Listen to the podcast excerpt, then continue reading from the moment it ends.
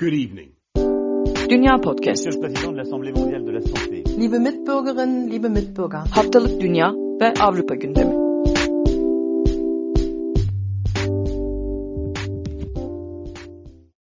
Dünya Podcast'tan herkese merhaba. Ben Nida Dinçtürk. Bugün yeni bir diyalog bölümüyle karşınızdayız. Ee, bugünkü konuğum avukat Yaşar Doğan. Ee, Yaşar Bey aslında e, Londra merkezli bir hukuk firması Redstone Solicitors'ın kurucusu e, aynı zamanda.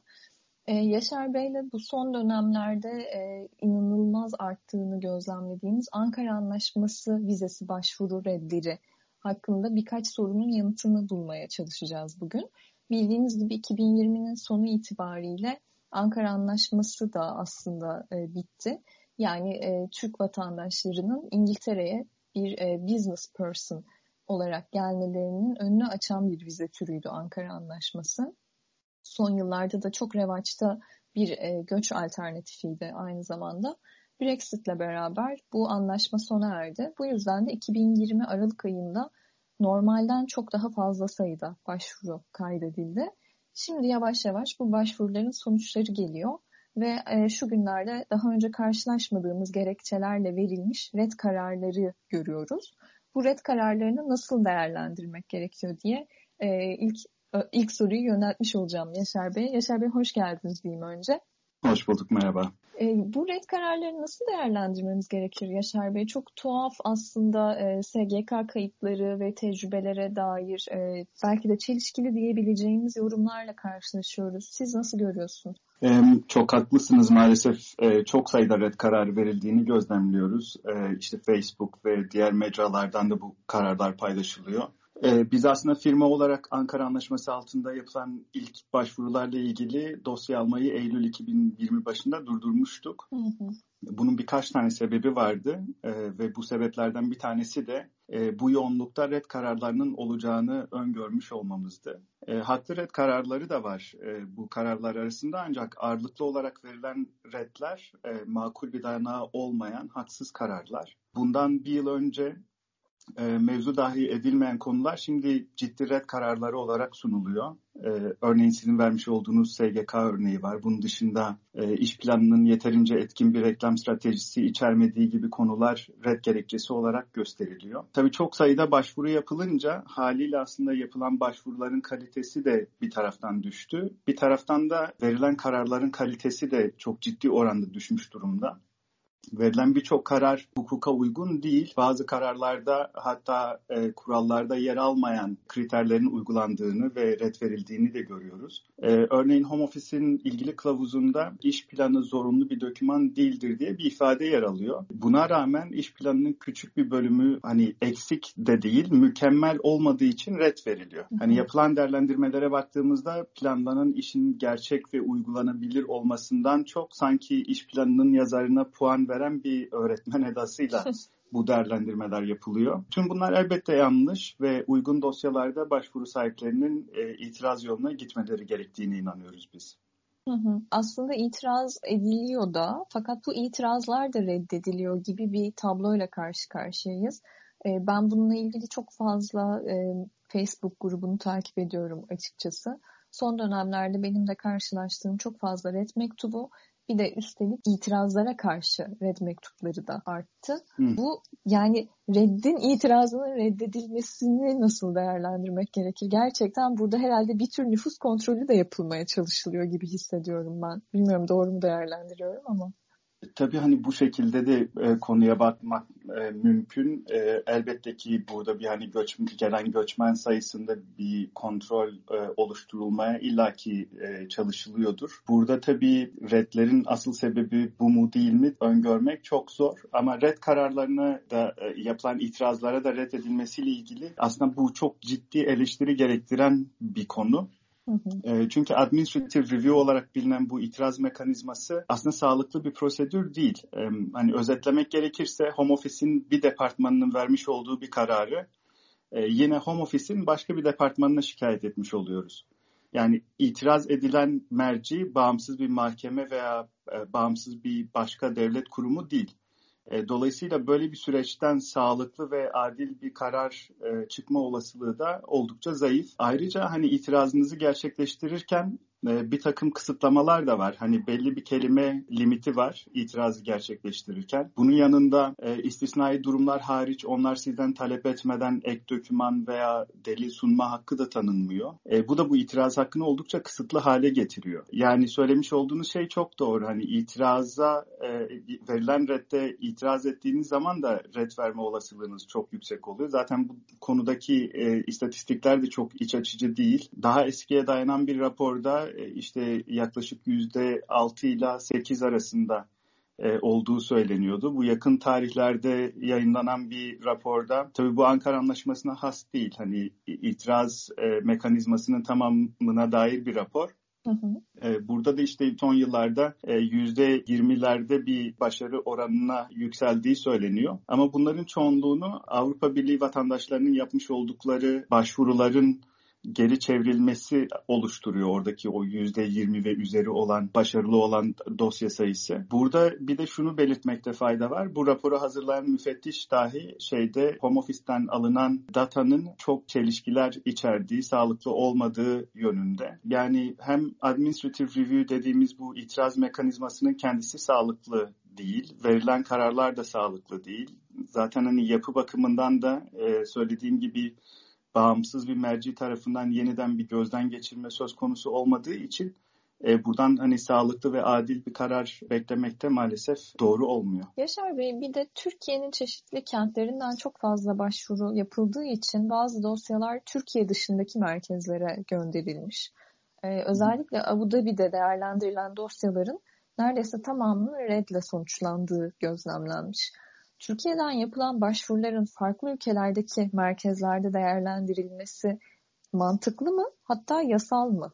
Aslında hani bunda mantık dışı ya da yasal olmayan bir durum söz konusu değil. Bu biraz operasyonel ve lojistik bir mesele olduğunu düşünüyorum. Ee, hani çok sayıda başvuru yapılınca karar veren memurların iş yükü haliyle arttı. Ee, daha önce Türkiye'de değerlendirilen birçok başvuru Ankara Anlaşması dahil olmak üzere bunlar da zaten hani İngiltere'nin e, Sheffield şehrindeki bir departman tarafından değerlendirilmeye başlamıştı. Artan başvuru sayısıyla beraber bu departman yetersiz kalmış olmalı ki böyle bir yola gittiler. Burada yapabilecekleri üç şey vardı. E, ya başvurular mevcut memurlar tarafından karara bağlanacaklardı.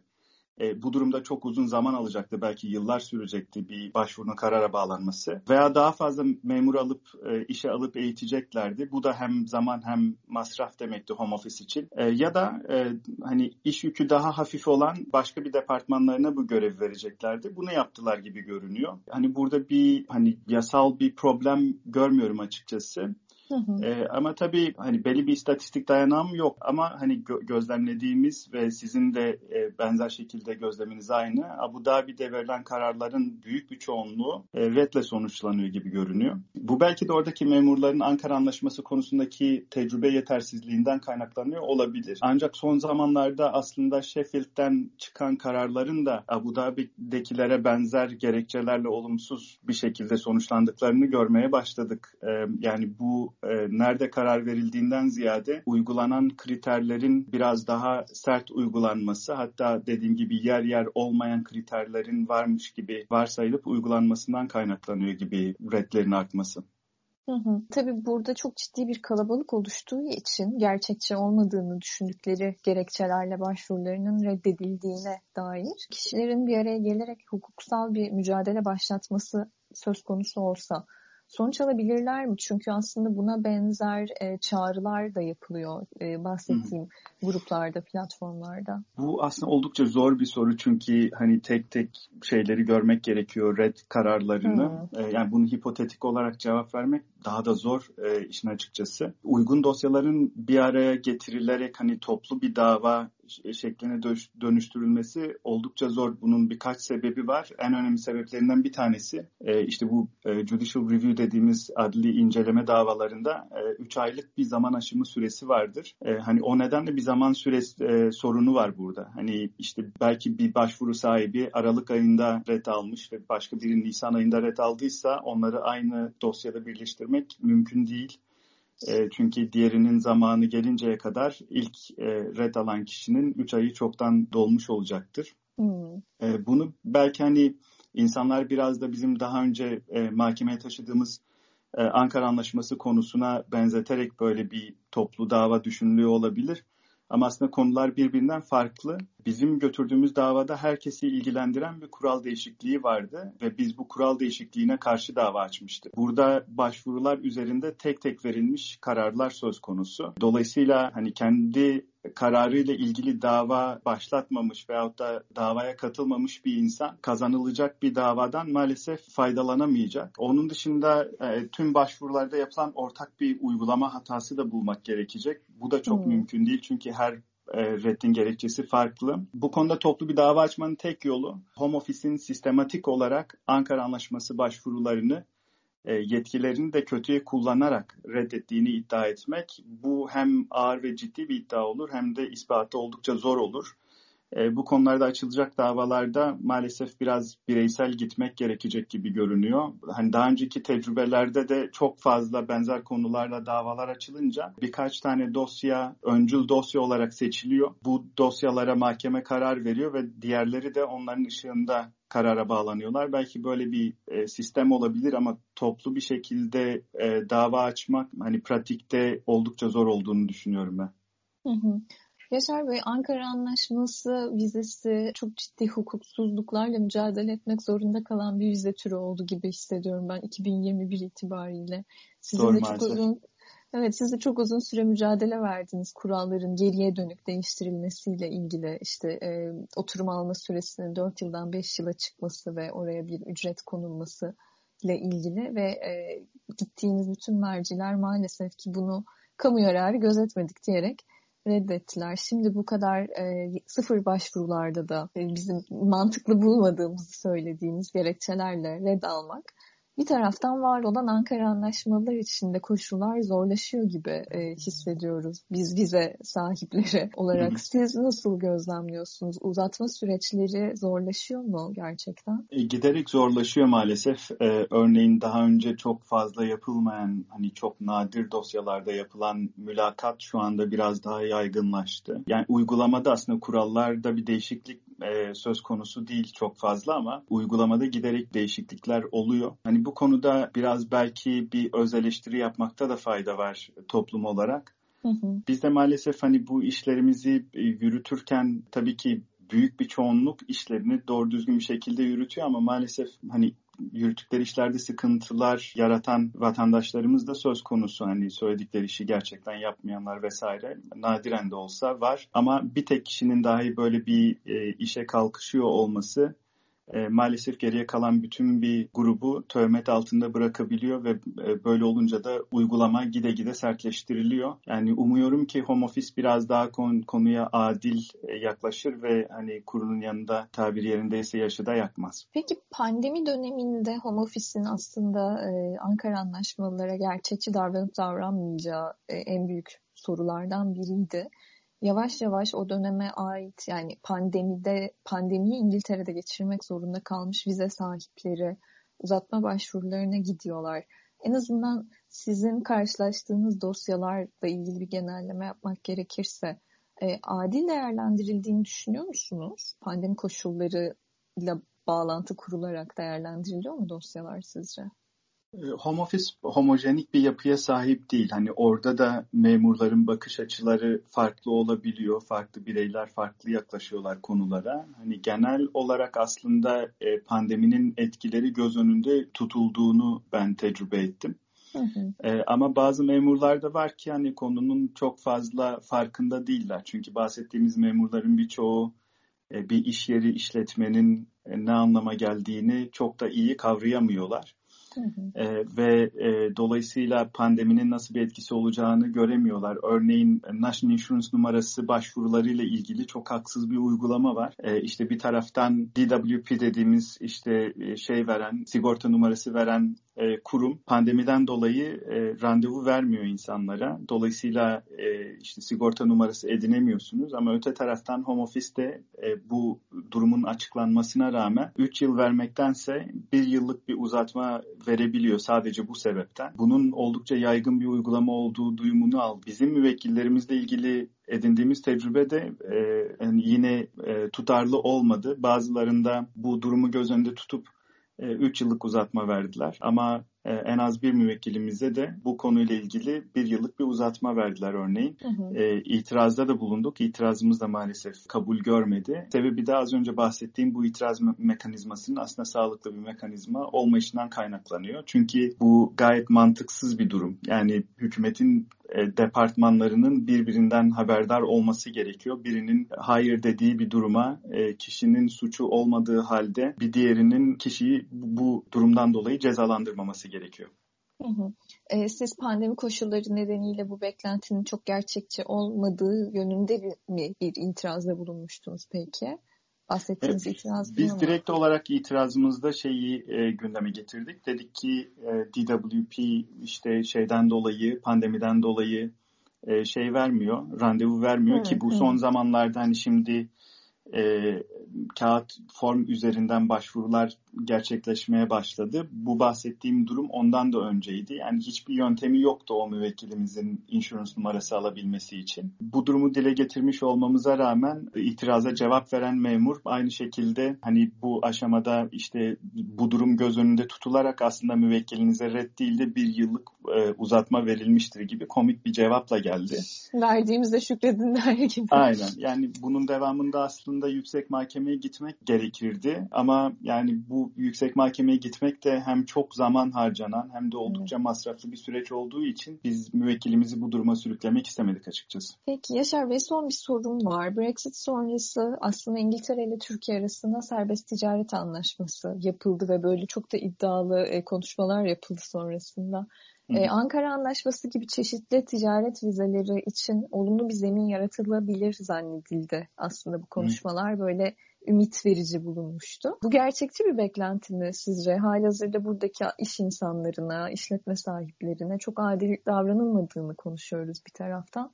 O yüzden bu beklenti gerçekçi mi? Siz ne düşünüyorsunuz? Bunu merak ediyorum. Şimdi serbest ticaret anlaşması bu aşamada sadece iki, iki ülke arasındaki ticari ilişkileri düzenleyen bir anlaşma. Hı hı. İçeriğinde vatandaşların serbest dolaşım hakları ile ilgili hiçbir madde mevcut değil.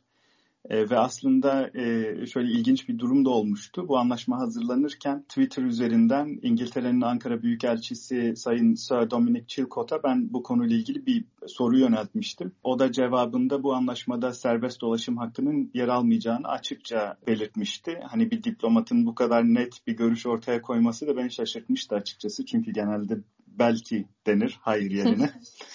ee, ama tabii biliyorsunuz bu tür anlaşmalar e, zaman içinde siyasi ve diplomatik girişimlerle daha geniş bir çerçeveye evrilebilir.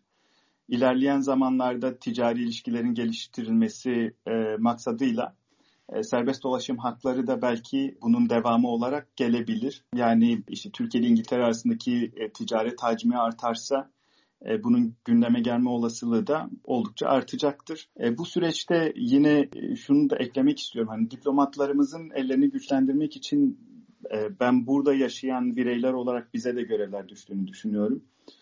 İngiltere'deki diaspora olarak aslında Türkiye'nin vitrini olduğumuzu unutmamalıyız diye düşünüyorum. Vizelerimizin koşullarına ve e, ülkenin genel kurallarına riayet edip dürüst bir şekilde burada çalışır ve kalırsak bu hem mevcut koşulları daha mevcut koşulların daha iyileşmesine ve hem de yeni hakların edinilmesine vesile olacaktır diye düşünüyorum. Sorunuza hani direkt olarak cevap vermek gerekirse kısa vadede e, bu gerçekçi bir beklenti değil diye düşünüyorum. Serbest dolaşımın çok kısa bir zaman içerisinde bu serbest ticaret anlaşmasını takip edeceğini beklemiyorum açıkçası. E, ama uzun vadede bu e, hem iki ülke arasındaki e, siyasi ve e, ticari ilişkilerin nasıl gideceğine bağlı olarak hem de e, burada artık büyük bir toplum olduğumuzu düşünüyorum ve evet. buradaki bizlerin e, de tavırlarına, davranışlarına bağlı olarak e, ilerleyen zamanlarda bir serbest dolaşım hakkına belki evrilebilir. Peki çok teşekkür ederim Yaşar Bey. Ee, umarım böyle e, Ankara Anlaşması vizesine dair daha aydınlık haberler konuşabileceğimiz bölümlerde bir araya geliriz ama zaten sonuna da geldik bir taraftan. Bu saatten Öyle sonra mi? artık uzatmaları e, konuşacağız. Ama orada bile umuda ihtiyacımız var. E, Doğru. Umarım olumlu haberler alırız ilerleyen günlerde. Çok teşekkür ederim. Çok sağ olun. Ben teşekkür ederim. Good evening. Dünya Podcast. Liebe Mitbürgerinnen, liebe Mitbürger. Haftalık Dünya ve Avrupa gündemi.